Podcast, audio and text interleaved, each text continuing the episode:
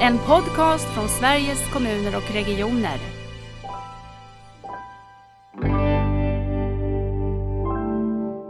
Att vi måste vara tålmodiga och vänta in så att vi inte springer för fort före och inte släpper taget. Det är utmanande och spännande och de är jättetaggade och det är väldigt roligt och inspirerande men det är också utmanande att komma in i en vårdcentralsmiljö som folkhälsovetare och ha en helt annan roll än att möta enskilda patienter. Så att det är jättespännande saker vi sitter med men också otroligt roligt. Idag i Nära vårdpodden ska vi få möta två personer som arbetar med ett av de viktiga uppdragen som finns i det nya primärvårdsuppdraget, nämligen ett befolkningsinriktat eh, förebyggande arbete. Välkommen till Nära vårdpodden Maria och Helena. Tack. Tack så mycket. Eh, tänkte vi börja vem ni är och Helena, var sitter du idag och vem är du? Jag sitter i Uppland, i Norduppland, på hemmakontoret och eh, jag är hälsopedagog och folkhälsovetare och har uppdrag som länssamordnare för geografiskt hälsouppdrag i vår region. Och eh, när jag inte jobbar så ja, jag är en glad motionär, springer lopp och cyklar mm. mountainbike. Oj, är det lopp på mountainbike också? Nej, bara på benen när jag springer. Bara på benen? Ja, det är inte så bara, men eh, Maria, eh, vad gör du? Vem är du? Ja, jag finns inom Region Östergötland och jag är verksamhetschef på Folkhälsostatistikenheten som är en del inom regionledningskontoret.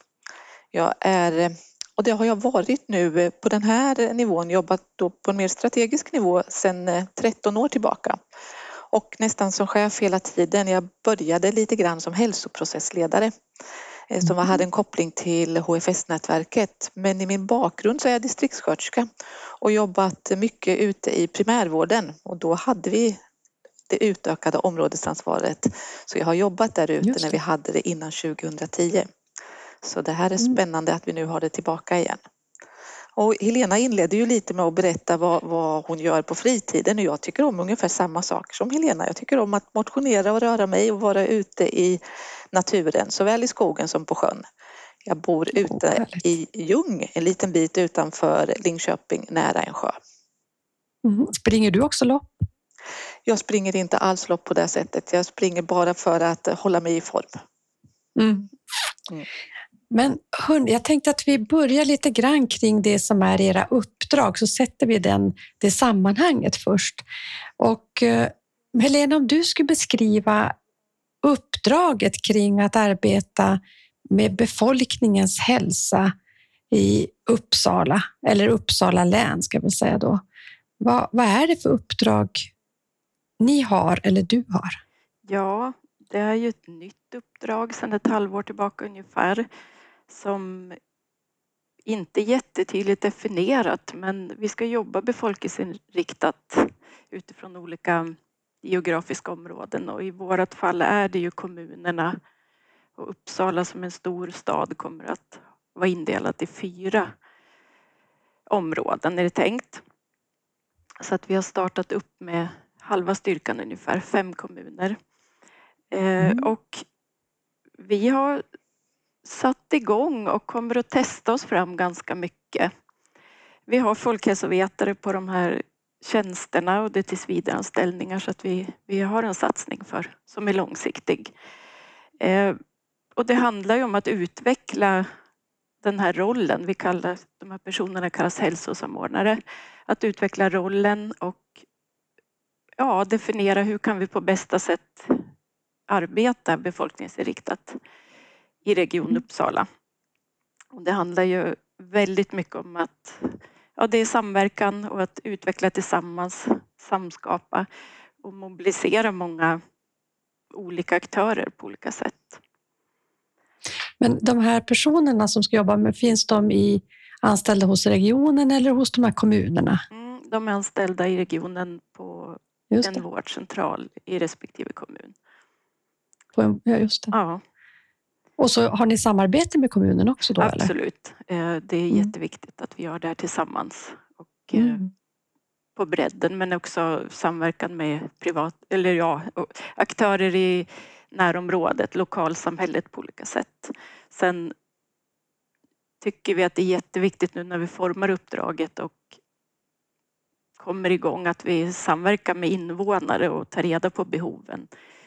Vad man, mm. Hur man har det och hur man ser på hälsa och vad vi kan. Den får vi hänga kvar lite i för det där låter spännande. Mm.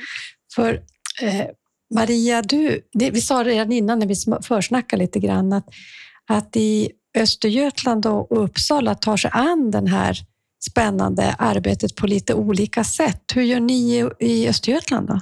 Ja, jag tänker att jag ska beskriva lite. Vi har ju haft, eller vår primärvård har haft något som vi då kallar utökat områdesansvar sedan 1 2020.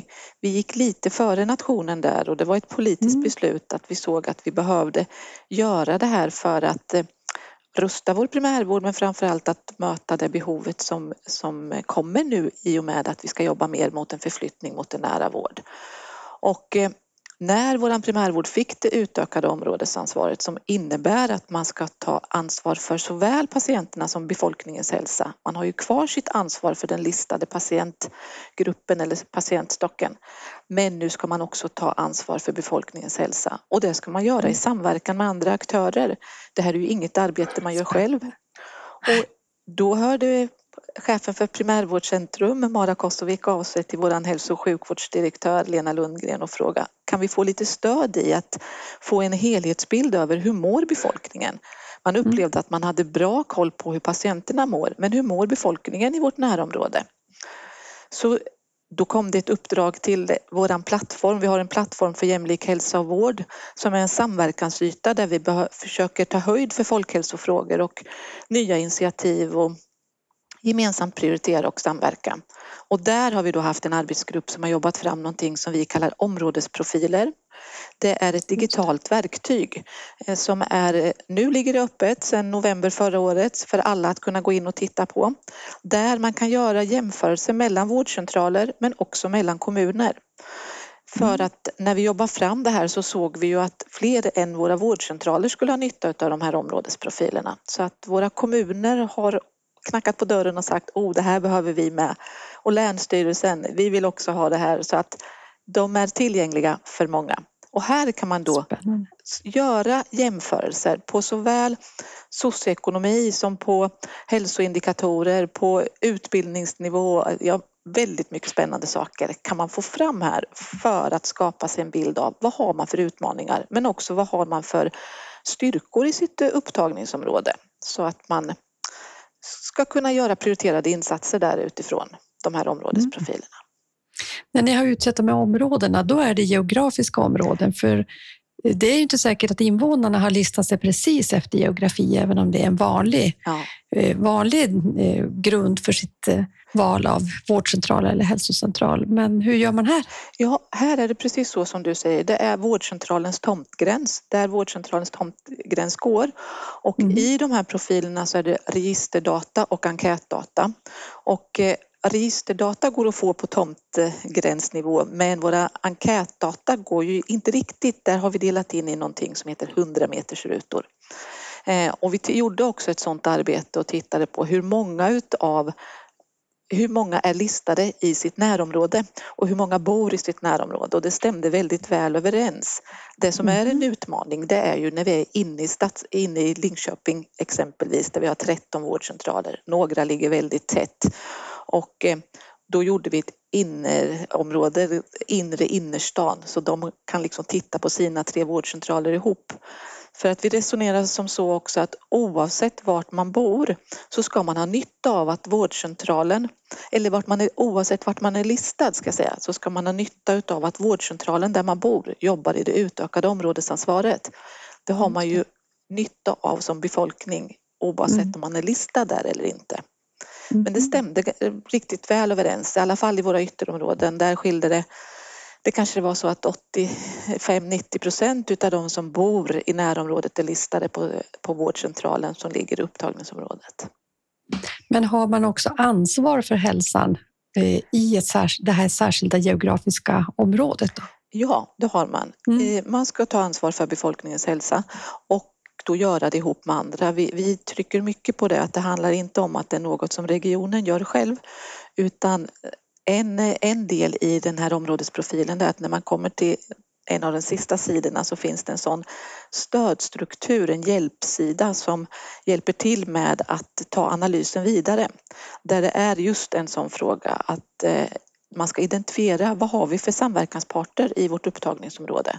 Det kanske finns en, ett café i närheten, ett bibliotek, en skola som man vill samverka med kring de sakerna som man har hittat då eller sett i de här Mm. områdesprofilerna.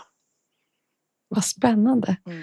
Helena, tänker du, du börjar berätta om att ni också vill jobba nära invånarna i ert sätt att eh, bygga det här befolkningsinriktade hälsoarbetet. Har ni hunnit göra något sånt ännu eller? Lite grann. Vi har lite, det är som en trestegsraket hos oss. Vi har också tittat på hälsodata. Vi har inte riktigt riggat på det sättet men vi använder ju befintlig data på olika sätt. Som vi bild, skapar oss en bild av läget. Sen bygger vi på med intervjuer med kollegor i regionen, kommunerna och lokalsamhället. Och som en tredje del att bygga den här pusslet ännu lite större så är det ju att eh, också jobba väldigt nära invånarna och vi har sedan flera år jobbat med Innovationsguiden då som är SKRs metod för tjänstedesign i Region Upps- Uppsala och några av länets kommuner så att det kommer ju väl till pass nu att vi omsätter det så att vi, har, vi är väl rustade för att gå ut och fråga och ta reda på.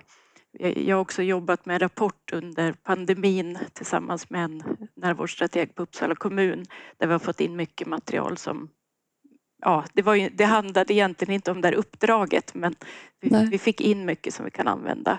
Vi har också genomfört en innovationsjakt under hösten och det är också ett sätt och då hade vi tema hur vi kan jobba hälsofrämjande i framtiden. Vad, vad, vad är en innovationsjakt? Får du berätta? Ja, det är ju spännande. Vi, egentligen är det så att man gör ett, en tjänstedesignprocess fast på en dag och samlar mycket människor så att man, man, ja, man kör ett race kan man säga. Vi var Mm. ungefär 40 personer och vi gjorde det digitalt den dagen. Men då jobbar man från en frågeställning, en utmaning och fram till konkreta idéer. Sen går man ju inte därifrån med sånt som går att använda men vi fick ju otroligt mycket uppslag. Och vi hade Mm. invånare och patienter med oss och många medarbetare från olika håll. Så att vi, det där kan vi bearbeta vidare. Så att vi, vi samlar in och ja, Superspännande. Ja. Båda, båda era angreppssätt. Helena, har ni också det här reglerat på något sätt i, ert, i er regelbok eller det, det uppdrag som primärvården har? eh, väldigt det är en, en kort formulering. Vi har det i regionplan och budget och vi har det ju Mm. På väg in i regelboken mer formulerat. Men vi kommer nog att definiera uppdraget och formulera det lite tydligare för oss hur vi vill jobba och den vägen formulera ett uppdrag. Det blir det är ju inte så vi brukar göra men eh, vi provar nu och vi tror på det att vi, vi har ett tydligt uppdrag. Vi har politiken väldigt tydligt att vi, ja som du säger lagen också, vi ska göra det här och Ja. vi tar reda på huret nu och är beredda att ompröva och skruva på uppdraget och se att vi landar bra. Eh, Så att det här är väl samskapande på hög nivå tycker jag. Lite spännande att få vara med om. Och verkligen agilt arbetssätt också. Det är det. Det är Att våga ge sig i kast och, och, och sen få faktiskt ändra om det behövs. Ja. Eh, om jag tänker så här, så långt ni har jobbat nu med era båda angreppssätt, är det någonting som har förvånat er? Maria, är det någonting som har förvånat dig när du har sett era områdesprofiler och du sett eh, ja, vad som helst av ditt? Eh, kan, jag, jag tänker att jag ska eh, kanske berätta lite om processen då för att här eh, något som förvånade positivt att eh, vi pratar ju väldigt mycket om samverkan, samverkan mellan olika organisationer men såväl inom vår egen organisation. Och när vi tillsatte den här arbetsgruppen inom vår egen organisation som då skulle jobba fram de här områdesprofilerna eh, så var en av framgångsfaktorerna det var att vi faktiskt gjorde något tillsammans. Vi pratade inte om att vi skulle samverka utan vi gjorde det Nej. och det vart, vi hade ett tydligt mål, det vart en produkt, det vart något användbart och det finns en fortsättning. Eh, och då beskriver våra statistiker så väl att wow, vad kul, äntligen gör vi något ihop. Eh, att det, det vart samverkan på riktigt och inte bara mm. prata om det. Eh, och då tänker jag så här att det är viktigt att ha ett tydligt mål. Vad är det? Vad ska det leda till? Ett tydligt uppdrag. Och det är mm. först då man liksom når i mål med det där som vi ofta pratar om, samverkan. Det var en sån reflektion Lisbeth, tänker jag. Som liksom ja, en, och jag reflekterar på det, att så känner man ju också, tänk här sitter vi på något sätt i våra små enheter eller stuprör eller vad vi kallar det och jobbar på. Och så får man den där effekten när man börjar jobba nära statistiker eller andra. Och, och ja, det är härligt att höra. Mm. Helena, något förvånat dig då? Oj, eh, det är en svår fråga. Det här är ju stort och komplext och det är mycket saker man brottas med hela tiden. Vi vet ju att hälsoutmaningarna är ju enorma. Så att det är också mycket att ha is i magen. Det jag kan känna ibland det är nog att det är ganska höga förväntningar på, på snabb leverans. Mm. Eh, och där tycker jag i min samordnarroll att det är viktigt att där, men vi måste få jobba på och göra den här grunden och skapa en förståelse hos oss själva men om, om andra inblandade också. Och vara kloka och försöka vi tar oss an det på det här sättet därför att och det innebär att vi behöver välja bort det här just nu men det, vi förstår att det är också utmaningar, vi tar dem med oss och vi kommer dit. Så att, det är väl lite den som ligger ganska långt framför mig nu att det här måste få ta tid. Det är ett alldeles nytt uppdrag. Det som är mm. spännande är också att vi sitter med fem och snart elva anställda som har en helt ny roll som ingen någonsin har gjort.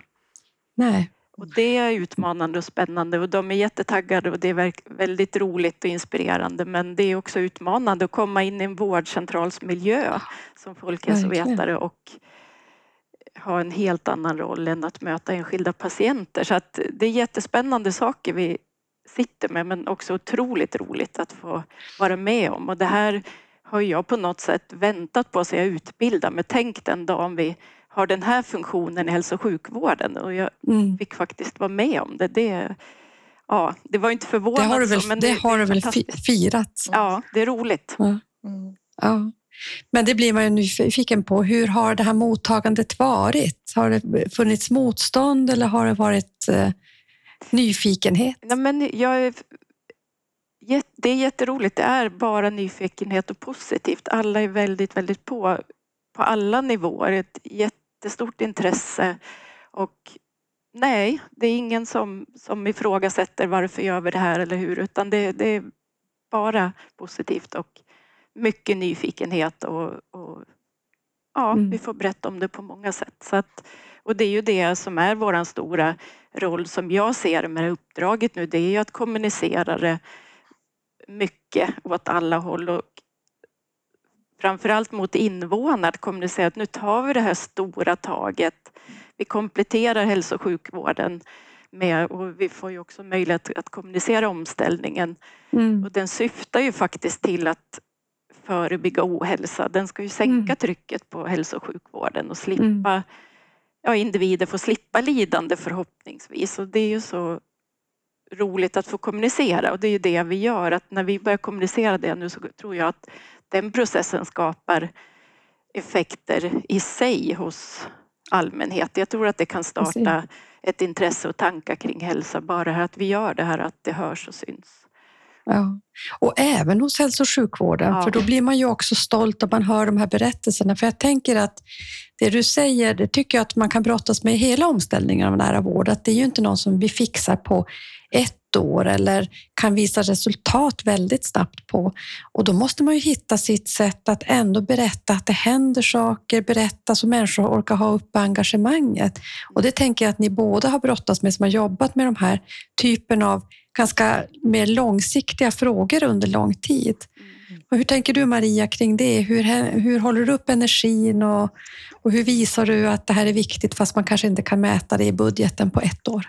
Ja, det där är ju utmanande och just när man jobbar med folkhälsofrågor att man måste våga tänka långsiktigt. Och eh, nu när man har varit med en period, jag tycker att jag ser en sån tydlig förändring i, om man tittar 10-13 år tillbaka i tiden när man kanske fick eh, brottas lite mer med frågorna för att eh, få gehör för dem. Nu är det ju ett väldigt stort tryck på frågorna. Det är nästan tvärtom att man får hålla emot lite grann och jag brukar säga att vi har liksom flow i frågorna. Eh, de är högaktuella och eh, pandemin har ju satt ljuset på ännu mer vikten av att jobba med folk ur ett folkhälsoperspektiv och med den ojämlika hälsan och kopplat till socioekonomi.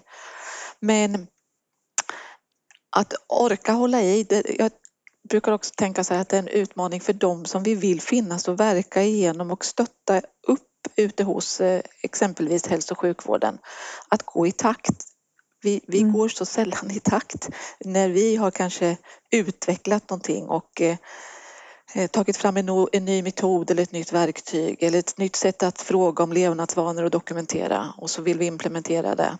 Så kommer vi ut på arenan och sen känner vi oss ibland lite färdiga och så tar det liksom flera år innan eh, resten är och det beror inte på att det är långsamt utan det beror på att vi är i olika fas. Att vi mm. måste vara tålmodiga och vänta in så att vi inte springer för fort före och inte släpper taget. Mm. Jag det, det är en sån framgångsfaktor tror jag om vi liksom mm. vågar vara lite tålmodiga och eh, mm. vågar tänka långsiktigt. Ja, jag mm. kopplar gärna till den för jag tänker också att jag är otroligt glad att vi får vara igång relativt tidigt i omställningen. Den ska ju pågå länge än vi har mycket att göra och det har jag tänkt mycket på att jag är glad att vi är igång med det här sättet att jobba och få lyfta det hälsofrämjande mot medarbetare och invånare nu och att vi kan forma uppdraget i takt med ja, våra olika utvecklingsarbeten som hör till mm. omställningen. Och det är ju en mental omställning för oss alla som ska göras som tar tid hos den enskilda medarbetaren men, men jag tänker också i invånarna att vi går ju mot en annan typ av hälso och sjukvård mm. som dels kräver mer av mig som invånare men också att man kanske vårdens, förvant ja, vårdens förväntningar på mig blir ju lite andra men jag kommer ju också kunna förvänta mig andra saker. Så att jag mm. ser att här att vi jobbar hälsofrämjande tidigt nu i omställningen, det tror jag är oerhört viktigt att vi ska kunna landa i någonting som fungerar över tid och, och, och mm. lira bra med hälso och sjukvården så att säga över tid. Jag tänker det är ju en av de verkligt stora riktningsförändringarna för nära vård och jag tänker lite som dig Helena, att då ändå hela tiden koppla på den riktningen och, och det tror jag också är väldigt tilltalande för befolkningen. Att förstå att här har jag också en partner i, i min hälsa. Hälso och sjukvården finns inte bara där när någonting redan har hänt. Men kommunikationen blir otroligt viktig. Maria, eh, hur tänker du kopplingen mellan ditt arbete och det ni nu gör hos dig och dina medarbetare och kopplingen till nära vård? Omställningen? Jag, jag, jag tänker så här att nästan alla våra uppdrag, vi har ju, det jobbar 27 människor och 27 personer hos mig på mm. folkhälso och statistikenheten och sen har vi ju en rad med andra nyckelpersoner inom vår organisation som jobbar med nära vård lite mer handfast. Men alla folkhälsofrågorna och alla uppdrag vi har ligger väldigt nära den nära vården just mm. till att få till den här förflyttningen som Helena också var inne och, och eh, pratade om att hur stärker vi eh, patienter och eh, invånare i att kunna ta ett eget ansvar för sin hälsa och känna sig trygga i det. Och att våga göra den där förflyttningen i arbetssätt och i förhållningssätt vi jobbar mycket med personcentrerad vård. Jag tänker att hela nära vård handlar om personcentrerad Exakt. vård. Hur mm. gör vi människor delaktiga i sin egen vård men också i sin egen hälsa? Mm. Och här, här ser jag att vi har ett litet arbete att göra. I Region Östergötland har vi tagit fram en definition och en stödstruktur för personcentrerat förhållningssätt och personcentrerad vård. Men vi har ett arbete kvar att göra när det handlar om att följa upp vi följer ju upp via patientenkäten men den kommer inte ut speciellt ofta. Vi behöver följa upp mycket oftare och vi måste också följa upp ur ett, patient, ur ett medarbetar och eh, organisationsperspektiv. Vad innebär det för medarbetaren att jobba personcentrerat och vad ger det organisationen? Där ser jag mm. att vi har ett stort arbete att göra och jag tänker att det där är en av grundbultarna i omställningen till en nära vård. Eh, Verkligen, delar helt din både uppfattning och bild att här är vi ju svaga i Sverige mm. och det är vi svaga. Det är inte så många som har gjort så mycket kring det runt om i världen heller. Hur följer vi? Och jag tänker också att vi inte bara följer upp hur mötet blev, blev. För om vi vill jobba mer främjande så vill vi ju egentligen inte få till så många möten. Man ska kunna vara självständig, man ska inte behöva bli försämrad eller till och med inte behöva insjukna. Mm. Och då känner den här tryggheten att vården finns där. Eller att det är en bra källa till kunskap för mina levnadsvanor. Hur följer vi upp det? Och det här personcentrerade förhållningssättet och mötet att människor har förmågor mm. och, och lyssna på varandra. Mm. Har ni börjat med att söka de måtten, Maria? Eh, vi har, vi, just nu så jobb, försöker vi gifta ihop de här olika perspektiven, patientkontrakt, nära vård och personcentrerad vård. Vi ser liksom att det är en gemensam plattform.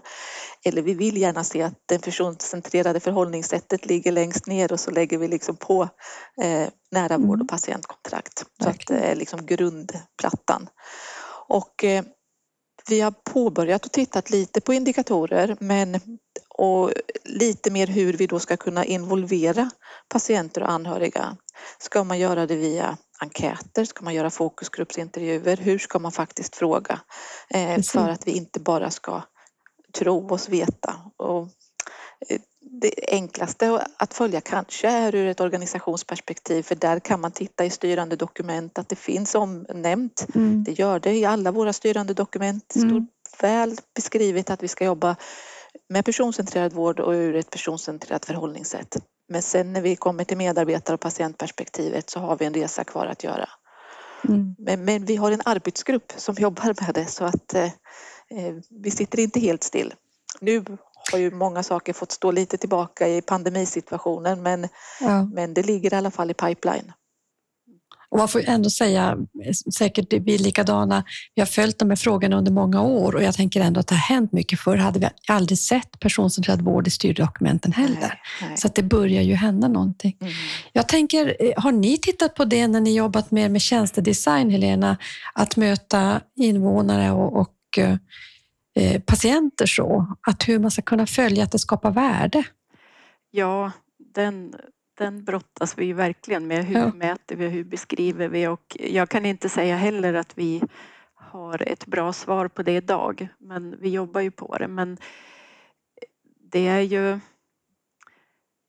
det blir ju någonting annat än vi är vana att jobba med forskning och vi är vana att jobba på det sättet och då kan man till viss del hämta där och, och mäta men tjänstedesignen, eller den metoden ska jag ju säga, blir ju någonting annat. Det blir ju kvalitativt på ett annat sätt mm. men man får ju kanske också lära sig att, att värdera den informationen och det som invånare säger och man ser ju ganska fort att det kommer ju ofta samma saker. Det, det, är ganska lätt att se att man får en mättnad i svaren och vi kanske får lära oss att våga också använda den typen av information i våra utfall. Men, men det här mäta, självklart, det behöver vi ju lära oss att göra på olika sätt.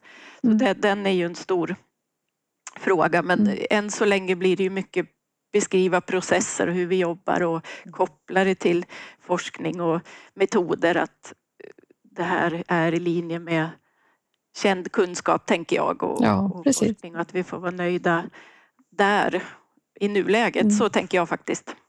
Mm. Och jag tänker lite grann som du var inne på Maria, det handlar inte bara om exakta måtten, det handlar om att lära oss metoderna och, och känna att de är hållbara och, mm. och eh, bra. Så att, mm. och, mm om jag får göra en reflektion till där utifrån det Helena också sa att, eh, och det vi pratar om här Lisbeth, att något som är positivt det är att eh, hälso och sjukvården själv hör av sig och säger att oh, vi vill följa patienternas upplevelse av att vara delaktiga och hur de blir bemötta mycket mer än vad vi gör idag. Det räcker inte med en patientenkät en gång eller varannat år. Vi behöver få veta det här med regelbundenhet och med en systematik för att vi ska kunna göra förbättringar och åtgärder. Så jag tänker att här måste vi göra någonting för att tillmötesgå det behovet. Det är ju ett fantastiskt bra behov. Mm. Så att Ja, vi är inte heller i hamn, precis som Helena reflekterar över, men vi behöver jobba mer med den frågan. Mm. Och det här behöver vi ju samla. Vi försöker ju också jobba med det från SKRs håll, men att samla oss kring det och se vad har vi nu på bordet när vi har jobbat från lite olika perspektiv. Mm. Helena, jag tänker, du var inne på lite kopplingen till nära vård, men vill du säga någonting mer om, om ert sätt att arbeta och hur det kopplar till ert eh, arbete i Uppsala med omställningen? Jag är själv lite nyfiken på om det här kopplar någonting ihop med de här vårdcentrarna som ni också håller på att utveckla i Uppsala. Eh, ja, Har det det med varandra att göra? Mm. Vi har ju startat egentligen utifrån de tänkta vårdcentrumen i Norduppland där vi har kommit längst med det vårdcentrumet. Där har vi ju två hälsosamordnare, de två inblandade kommunerna och jag finns ju organisatoriskt då i nära vård och hälsa som är vår primärvårdshabiliteringen, förvaltningen och APC utveckling. Och där har vi ju många av projekten, vi projektleder mycket och, och jobbar ju mycket med det. Så att vi, vi har ju nära tillgång till varandra och försöker ju då i våra olika uppdrag och projekt att hjälpas åt att få in de här perspektiven. Och det är ju för mig lite roligt för det här med, med folkhälsa och hälsofrämjande är ju alla intresserade av och vill ju väldigt gärna att vi kommer in i de olika projekten och ser hur vi kan samverka och få med de här perspektiven så att det blir ju tydligt att det här har ju fått fäste, att det här är viktiga frågor för oss alla. Mm. Så att absolut att vårdcentrumbildningar. Sen har vi kommit lite olika långt i olika projekt och olika områden och sådär. Men, men vi jobbar ju tätt och nära ihop. Så eh, det är Mm. också ett otroligt lärande och för oss alla och, och spännande och, och det blir agilt där också. Vi, vi ser ju saker och så kommer vi vidare och så kan vi lyfta in det någon annanstans. Och, eh, där är det också roligt att vi jobbar mycket med invånarmedverkan i stort sett nästan alla projekten och vi har många, mycket kompetens i det så att vi, vi kan liksom Ja, vi går ju över gränsen och hjälps åt i projekten och stöttar upp och sådär. Mm.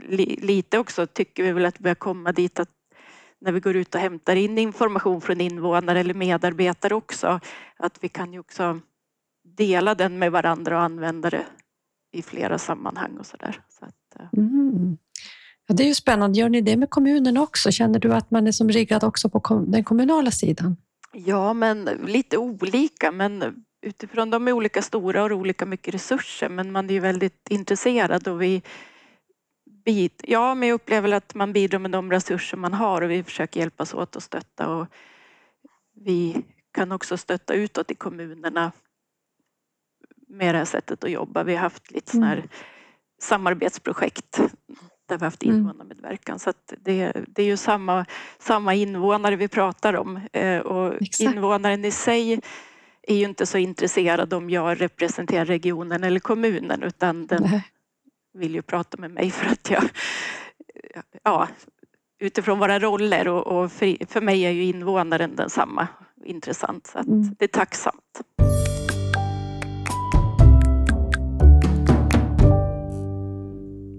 Tycker ni båda var inne på det här att kopplingen också till andra delar i samhället. Du Maria var inne på att när ni har gjort de här områdesprofilerna så är det många som sträcker upp handen. Vad intressant, det där vill vi ju se mer av. Och, och du Helena var inne på det där att, att vi måste ju koppla med olika delar i samhället. Om ni nu visionerar lite kring den nära vården och folkhälsans utveckling och, och så, vad ser ni den här kopplingen mellan nära vård och, och förbättrad folkhälsa och hur, hur kan det spela roll och vad kan det ge för effekter? Jag tänk, ja, eh, lite som vi har varit inne på och pratat mycket om det är ju att fler om man tänker kanske på kommunala sidan som ett exempel att fler kanske behöver se att man är en del i folkhälsan och kan påverka en sån de personer som har hand om snöröjning och sandning kanske, de Mm. kanske inte alltid ser att man är en folkhälsoaktör men de är ju faktiskt förutsättningen för att kanske en äldre person kan gå ut med sin rullator på vintern och röra sig och, och må bra och helst inte heller ramla och slå sig. Och, så att där pratar vi mycket om att locka med det är inte bara vård och omsorg det här handlar om och kanske idrotts ja, fritidsförvaltningar, de kanske kan känna Nej. att de har det men vi har ju många andra som kanske vi ska locka med på det här tåget och, och att de kan få känna sig stärkta i att man är en aktör och kan bidra på olika sätt och att vi mm. kan lära av. Så det är ju en sån här, tycker jag i samverkansperspektiv intressant, mm. ja, som vi funderar lite över. Ett mm. exempel. Ja, ja. Jag, jag, jag, jag, hänger på Helena lite där ja. för att eh, jag tror också att vi behöver liksom för befolkningen tror, ska inte behöva reflektera över vilken huvudman är det som kommer utan eh, och de ska liksom känna att de är en naturlig part i det här, att de, eh, det är de som är viktigast i när vi jobbar med folkhälsofrågorna. Det är liksom de som är huvudpersonen. Men när man då ska skapa struktur runt det där, just nu håller vi på att jobba med en folkhälsostrategi och den mm. utgår ifrån vår regionala utvecklingsstrategi. Och det här gör vi ju i bred samverkan med kommuner, med länsstyrelser, med civilsamhället, funktionsrätt.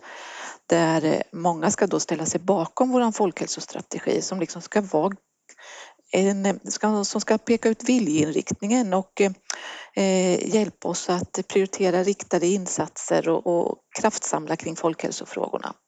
Jag tänker att eh, när man har ett gemensamt eh, dokument, dokumentet i sig ger ingen verkstad men det kan liksom lägga ramen och språngbrädan för mm. att man sen ska ta sig vidare och då göra det ihop med andra för det är ju precis det där man behöver göra. Ingen kan liksom fixa det här själv utan vi måste göra det i samverkan. Och eh, jag brukar tänka så här, när funkar samverkan som bäst och när gör vi mest nytta ute för dem vi är till för och när är vi inte ute och trängs på olika arenor för det gör vi ju ibland. Ja, Många knackar på skolans eh, dörrar och vill liksom göra insatser där.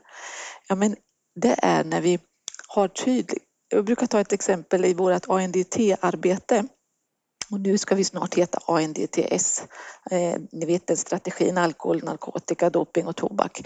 Där vi har en eh, arbetsgrupp och ett råd i Östergötland och där det där då ingår ifrån Länsstyrelsen, ifrån kommunen, från regionen och ifrån polisen.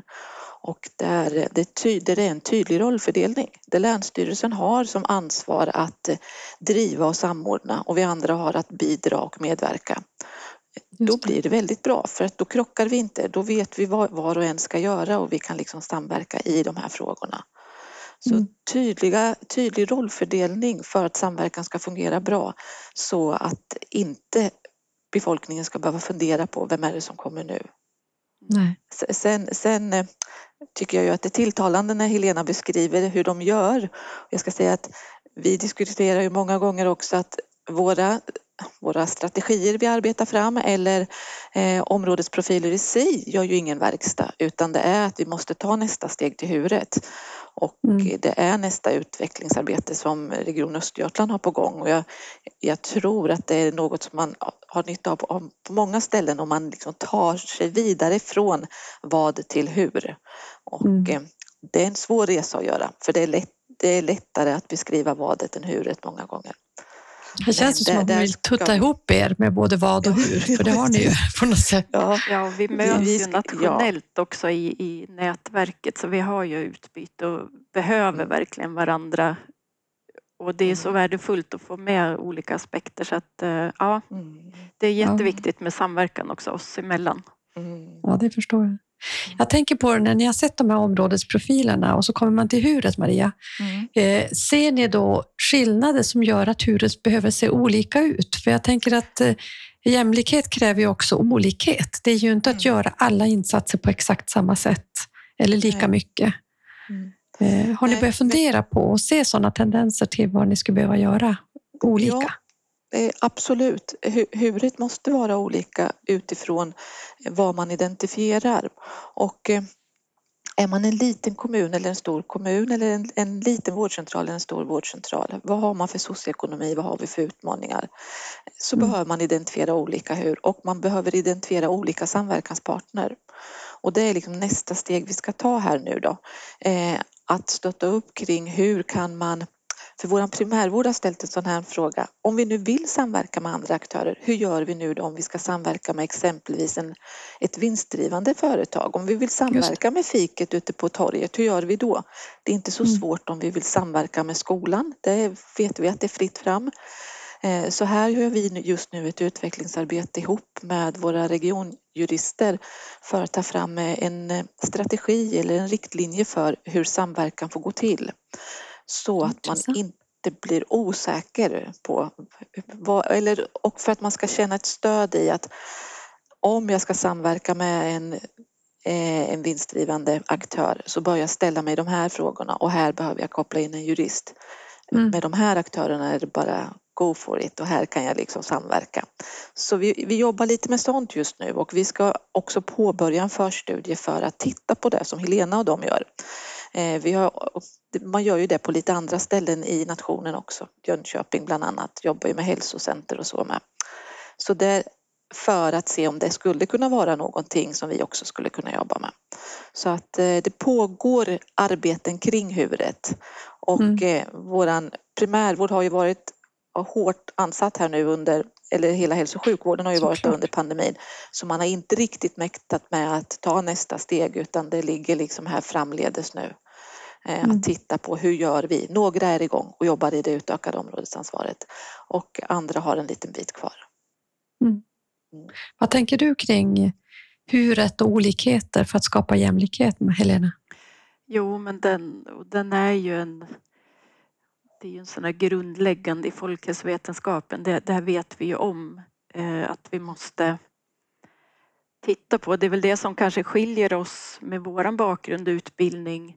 Att vi ska ju titta på, på gruppnivå och, och samhällsnivå, inte en enskild patient och individ. Ja. Eh, och det kan ju bli annorlunda när man är van att vara i hälso och sjukvårdsmiljö där man möter en i taget eller den här gruppen patienter med den här diagnosen eller så. Så att den är vi medvetna om och eh, vårat län, vi har ju åtta kommuner, det ser ju väldigt olika ut. Eh, vi har ju kommuner med mer gamla bruksorterna som har en annan eh, ja, demografi eller man ska säga. Vi har Uppsala som en stor universitetsstad. Vi har kommuner ner närmare Stockholm där det ser, så att det, det ser väldigt olika ut och det nu direkt när vi satte igång det så visste vi ju mycket om det men det blir ju jättetydligt när vi tittar nu på och när vi pratar men det är också jätteroligt för det det lyfter ju perspektiven och vi får ju testa oss själva och se det från många, många olika håll på befolkningen och absolut att göra olika. Ja. Eh, jämlik vård är ju inte göra lika utan det är ju våga göra olika och, och, mm. och tänka på det. Så den, den är ju jätteutmanande eh, men också så intressant och lärorikt. Mm. Men vad gör de här hälsosamordnarna som finns hos er? Vad, vad gör de på jobbet? Vad gör de i sin vardag? De är ju i uppstartsfasen än så länge får vi komma ihåg. Så att de mm. sliter hårt nu med att ja, men förstå sitt geografiska område, lära sig det. Mm. det. Målet nu är ju att man ska bli expert på hur ser det ut här? Vilka människor bor här? Vad har de för behov? Eh, vad gör de när de jobbar eller studerar i sin vardag? Hur, hur lever man? Vad kanske har man för bakgrund? Att förstå det och, och, det är därför vi också ser att vi vill jobba nära invånarna för att också skapa den här förståelsen. Så att vi är verkligen mm. mitt i det. Vi bygger ett, en, en karta över området och vilka människor är det och, och hur, hur, hur hittar vi dem olika och, och hur möter vi och bemöter dem? Som bor här. Så det, det låter ju kanske inte så konkret men i vår vardag är det väldigt, väldigt konkret. Att mm. det är intervjua, prata med mycket människor och planera samtidigt som vi naturligtvis planerar strategiskt och också det är inte bara ut och göra utan vi lär ju också dokumentera och planera och ha vi har ju en, en plan för hur vi tar oss an det här som ändå, som du säger, det är agilt och man, man den är lite svår att tidsätta för vi måste låta det ske och så måste vi lära av det och så kanske vi behöver ta en annan riktning. Mm. Men, men vi är nu har börjat titta på också hur börjar vi kommunicera tydligare mot invånarna så att de vet att vi är där. Så att det blir, jag ser det väl så att våran första insats, om man ska tänka konkreta insatser mot befolkningen, blir ju informationsinsatser att kommunicera att vi är igång. Vi tar ett stort samlat grepp om de hälsofrämjande frågorna nu tillsammans med kommunerna. Eh, vi håller på med omställning mot nära vård. Den vill vi ju kommunicera samtidigt mm. så att det blir tydligt. Och när vi ändå gör det så kan man ju också sända ja, men budskap eh, Absolut. kring det hälsofrämjande och också är ju tanken att vi då hämtar in tillbaka att vi rör oss ut i lokalsamhället och också kan samla tillbaka. Så på det sättet är det ju lite tacksamt att pandemin kanske, om vi har tur, lugnar sig lite så vi kan möta ja. människor på ett annat sätt än digitalt också. Så att vi, vi ligger ju bra tid. Vi är ju beredda nu att ge oss ut och möta människor. Jag får lite den här flashen. Kommer ni ihåg när man första gången mötte Skatteverket på någon, någon vad heter det, galleria eller någonting. Ja. Då stod de där, då har de på något sätt flyttat ut ur sitt hus och frågat behöver du hjälp med något? Det är ju deklarationsdags. Ja. Lite grann att helt plötsligt så börjar också vårdcentralen röra sig ute där jag, där jag är. Ja, det är uh, precis så vi vill ha det, att, att det blir naturligt. Ja. Att, för vi måste ju också göra det naturligt att nå oss och, och skapa kontaktvägar in till oss från allmänheten så att man inte ska gå via en växel och inte veta hur man kommer åt utan vi vill ju ha input. Sen kan vi ju inte finnas till för alla i alla lägen men nu lär vi oss ju och sen så får vi se hur vi på bästa sätt kan, kan stötta mm. Eh, individer. Jag tänker det låter ju otroligt spännande och man bara känner att det här är ju någonting som kommer att inspirera jättemånga när de lyssnar på er. Jag tror också det är nyttigt då att tänka, vad, vad är era hinder? Vad, vad, är det för motstånd? Har ni mött något motstånd eller finns det inget motstånd? Och vad är det som är de här svårigheterna som man skulle behöva röja undan lite? Och då tänker du när man ska jobba i det utökade områdesansvaret eller koppling till nära vård? Nej, jag tänker nog när man ska jobba det utökade områdesansvaret som jag tänker blir som en, det är ju en del av, av omställningen till mm. nära vård. Så jag tänker, vad är det för hinder du har mött Maria? Vad har du mött för mot? Har du, du hade inte mött så mycket motstånd? Nej, alltså, och vi är ju fortfarande på den nivån att vi bereder för att jobba där ute i det utökade områdesansvaret. Eh, jag, jag, kan tänka så här att ett hinder skulle kunna vara att man eh, juridik, hur får mm. man samverka? Eh, mm ekonomi. Eh, vem ska betala för samverkan? Vi är liksom olika huvudmän. Eh, mm. Där ute kan jag tänka att det kan vara några hinder i de frågorna. Annars så, och hur gör vi, hur gör vi eh, människor delaktiga? Så att vi inte sitter och hittar på saker utan att fråga dem. Helena beskriver ju här eh, att de är ute och intervjuar. Det låter ju jättebra. Eh, och mm. faktiskt mm. frågar människor hur vill ni vara delaktiga eller vad tänker ni kring hälsa? Mm. Vad är hälsa för dig och sådana saker. Så att eh, det är, inte, det är nog sådana saker som man då behöver jobba lite extra med när man kommer till huret. Eh, mm. Och det är en sån utmaning som vi har framför oss, tänker jag. Vi bygger liksom grunden nu och skapar oss en helhetsbild. Nästa steg är det här att göra en form av förstudie då och titta på vad har vi för olika alternativ och utifrån det sen eh, mer komma till huret när vi jobbar ute i det utökade områdesansvaret. Mm. Och då samtidigt göra förflyttningen mot en nära vård. Och, eh, bara en sån liten reflektion, vi pratar ju också digitalisering här eller någon, någon, av er nämnde ju digitalisering. Eh, som är då, som jag ser som är en, en, en möjlighet och eh, hur fort digitaliseringen gick när pandemin kom. Saker som vi på fullaste allvar trodde skulle ta tre år tog tre månader. Mm. Eh, för att det fanns inget annat alternativ och nu har vi den möjligheten att möta patienter och eh, befolkning digitalt. Mm. Både via, via appar och eh, via vårdmöten som då öppnar upp på ett annat sätt för att faktiskt finnas där i den nära vården, kanske i hemmet om det är där man vill. Så att Kul att du sa det, för jag tänkte just på digitaliseringens potential också i det här området. Att faktiskt våga prova eh, och testa nya saker och se vad, vad leder det till? Eh, och att inte vara rädd, precis som du också beskrev Helena här, att vi testar samtidigt. Vi gör och testar lite samtidigt. Det tror jag är att man måste våga det. Mm. Mm. Tack Helena. Har ni, vad är det för motstånd? Om ni har mött något motstånd, hur ser det ut och vad är, vad är de här hindren som du skulle vilja röja undan? Nej, men det är ju det, det är ju, vi är ju i, van vid att ge sjukvård till individer. Eh, även om vi pratar personcentrerat och alla ser och förstår att det är jätteviktigt så tycker jag ju inte att vi är där fullt ut ändå. Mm. Men så att det är ju det här att svänga om nu både hos oss själva och andra att ja men, det är ju en vinst i att inte ge hälso och sjukvård i första läget utan stötta individer att själv undvika ohälsa. Man kan, vi vet ju att sådana enormt stor sjukdomsbörda är ju möjlig att förebygga på olika sätt. Den här kunskapen mm. har vi och den är ju inte ny men vi är ju inte där att vi är beredda att fullt ut tänka om eller göra annorlunda. Så det är klart att det är utmaningen att vi är vana att ge hälso och sjukvård och det är tryggt och bekvämt. Och jag tror också man, många individer har ju valt det yrket för att det är det man vill göra. Och det får man också ha respekt Exakt. för. Att ja. människors yrkesroller kan ju faktiskt bli ändrade på sikt i och med att vi ställer om. Så den är vi mm. medvetna om.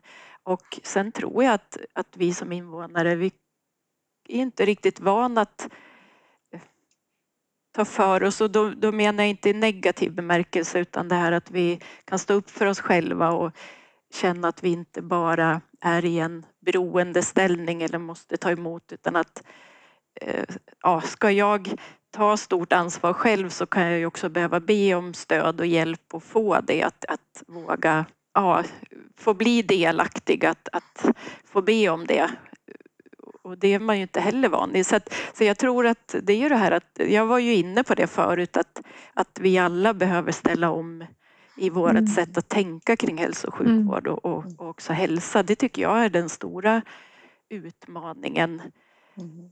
som vi får stor respekt för. Och det handlar om att jobba med beteenden och förstå hur beteenden påverkar våra verksamheter, människors agerande och beteende, både medarbetare mm och invånare.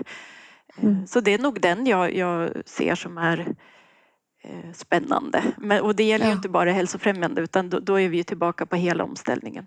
Mm. Ja, precis. Ja, att, att faktiskt gå till att jobba mer proaktivt förebyggande eh, i ett tidigare skede. Och eh, eh Helena, du beskriver där att man måste att våra hälso och sjukvårdspersonal kanske är vana vid att behandla sjuk, sjukdom. Och så är det ju mångt och mycket. Men eh, måste jag bara göra lite reflektion tillbaka till när jag jobbade som distriktssköterska, nu är ju det 14 år sedan eller vad det är. Eh, men det, att få jobba hälsofrämjande och sjukdomsförebyggande på vårdcentralen var ju en av de roligaste arbetsuppgifterna. När mm. man fick ha hälsosamtal och möta människor som ville göra beteendeförändringar kring levnadsvanor. Och hos oss har vi pratat mycket om att det här är en magnet att jobba hälsofrämjande för hälso och sjukvårdspersonal för att behålla dem. Mm. Så att det, det, finns ju en stor grupp som också önskar att få jobba mer förebyggande och hälsofrämjande. Absolut. Men att i, i mm. den här utmaningen med att få resurser och tid att räcka till så får det många gånger kanske stryka lite på foten. Mm. Men det finns liksom en kraft i det också att många har en önskan om att jobba mer förebyggande och proaktivt. Mm. Helt rätt och det är bra att du förtydligar det för det, det är ju en, en stor grupp som, som verkligen har både kunskapen och viljan och det, en annan utmaning är väl också det här att ja men nu satsar vi på det hälsofrämjande och det är ju mycket resurser vi i Region Uppsala faktiskt har skapat nu. Mm. Men behoven är ju jättestora och, och tittar man på, på antalet individer som jobbar med att ge hälso och sjukvård kontra som jobbar hälsofrämjande så är vi ju inte i en jämnvikt än och det är också någonting som behöver hända över tid. Att, ja, jag tänker de distriktssköterskor som till exempel när de har den här utbildningen och verkligen vill ja, att, att vi hittar former att även de kan bidra och få utrymme mm. och även många andra naturligtvis professioner också, hälso och sjukvården. mm. att göra det här. Så, att, så det är ju lite spännande att se. Det behöver vi alla jobba för kan också digitaliseringen ha en potential. Det är nästan ett eget nära vårdpoddavsnitt att mm. prata om hälsofrämjande arbete och digitalisering. För jag tänker att, att säkert verkligen skulle kunna ha, ha en potential också i det. Och allt det här med data som vi också kan samla in digitalt och hur vi använder det. Men det får vara ett annat avsnitt, hörni. Ja. Ni får komma åter. Mm. Vi ska börja avrunda, men är det någonting som som ni känner, här hade, det här skulle vi ha pratat om, det har vi inte gjort, som jag vill hinna ta upp?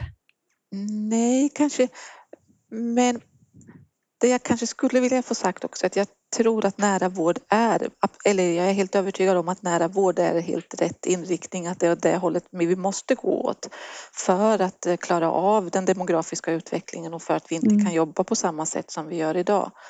Och att eh, nära vård för mig när jag tänker vad står det för? Det står för att många aktörer gör saker i samverkan. Och med många mm. aktörer så inkluderar jag liksom patienter och anhöriga och befolkning. Att det här är något vi gör ihop.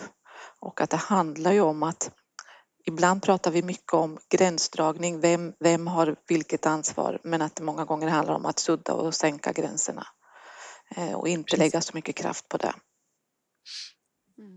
Vad bra. Han, Helena, hur tänker du kring nära och nära vård om vi skulle sluta med det? Eh, ja, men för mig personligen och utifrån min erfarenhet. Jag har jobbat i många år också på primärvårdsnivån i olika roller kan man säga. Och det är väl också i min bakgrund som hälsopedagog att det här individen och för mig är det det relationella och skapa trygghet och lyssna och samtalet. Så för mig, jag tycker när vi, nu är man ju färgad av nära vård, man, man lever med det hela dagarna på jobbet, men för mig är det ju det vi försöker bygga, att skapa trygghet hos individen, lyssna in, ta oss tiden att föra de här samtalen med, med individen för att stärka men också få information och så. så att, ja men det relationella, där landar jag personligen i, i när man pratar nära och nära vården. Mm. Stort tack för att ni ville vara med i Nära vårdpodden. Vilket spännande samtal. Vi får säga lite välkommen åter en annan gång. Tack så mycket. Tack, tack så mycket.